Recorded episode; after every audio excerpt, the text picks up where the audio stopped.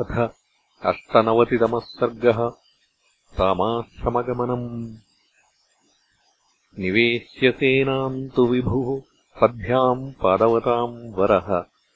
अभिगन्तुम् सकाकुत्स्थम् एष गुरुवर्तकम्। निविष्टमात्रे सैन्ये तु यथोद्देशम् विनीतवत्। भरतो भ्रातरम् वाक्यम् शत्रुघ्नमिदमब्रवी क्षिप्रम् वनमिदम् सौम्य नरसङ्घैः समन्ततः। लुब्धैश्च सहितैरेभिः त्वमन्वेषितुमर्हसि।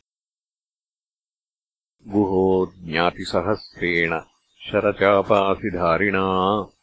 समन्वेषतु काकुत्स्थौ अस्मिन् परिवृतः स्वयम् अमात्यैः सह पौरैश्च गुरुभिश्च द्विजातिभिः। वनम् सर्वम् चरिष्यामि पद्भ्याम् परिवृतः स्वयम्। यावन्न रामम् द्रक्ष्यामि लक्ष्मणम् वा महाबलम् वैदेहीम् वा महाभागाम् न मे शान्तिर्भविष्यति यावन्न चन्द्रसङ्काशम् द्रक्ष्यामि शुभमाननम्। भ्रातुः पद्मपलाशाक्षम् न मे शान्तिर्भविष्यति। यावन्न चरणौ भ्रातुः पार्थिवव्यञ्जनान्वितौ। शिरसा धारयिष्यामि। न मे शान्तिर्भविष्यति। यावन्न राज्ये राजार्हः पितृपैतामहे स्थितः।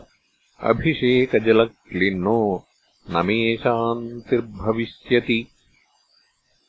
सिद्धार्थः खलु सौमित्रिः यश्चन्द्रविमलोपमम्। मुखम् पश्यति रामस्य राजीवाक्षम् महाद्युति। कृतकृत्या महाभागा वैदेही जनकात्मजा भर्तारम् सागरान्तायाः पृथिव्यायानुगच्छति। सुभगश्चित्रकूटोऽसौ गिरिराजोपमो गिरिः। यस्मिन् वसति काकुत्स्थः कुबेरैव नन्दने।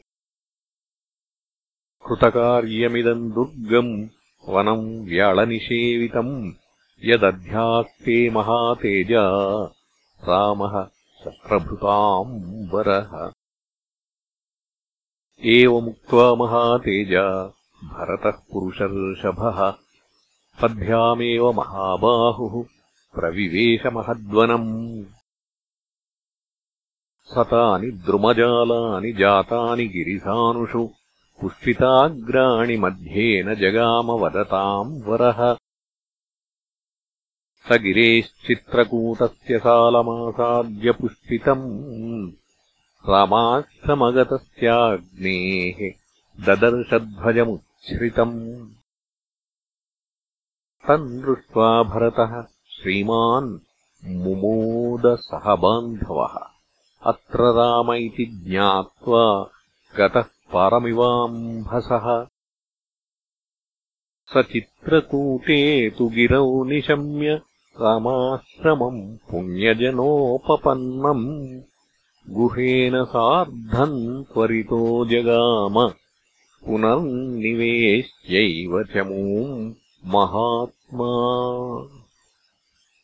इत्यार्षे श्रीमद् रामायणे वाल्मीकीये आदिकाव्ये अयोध्याकाण्डे अष्टनवतितमः सर्गः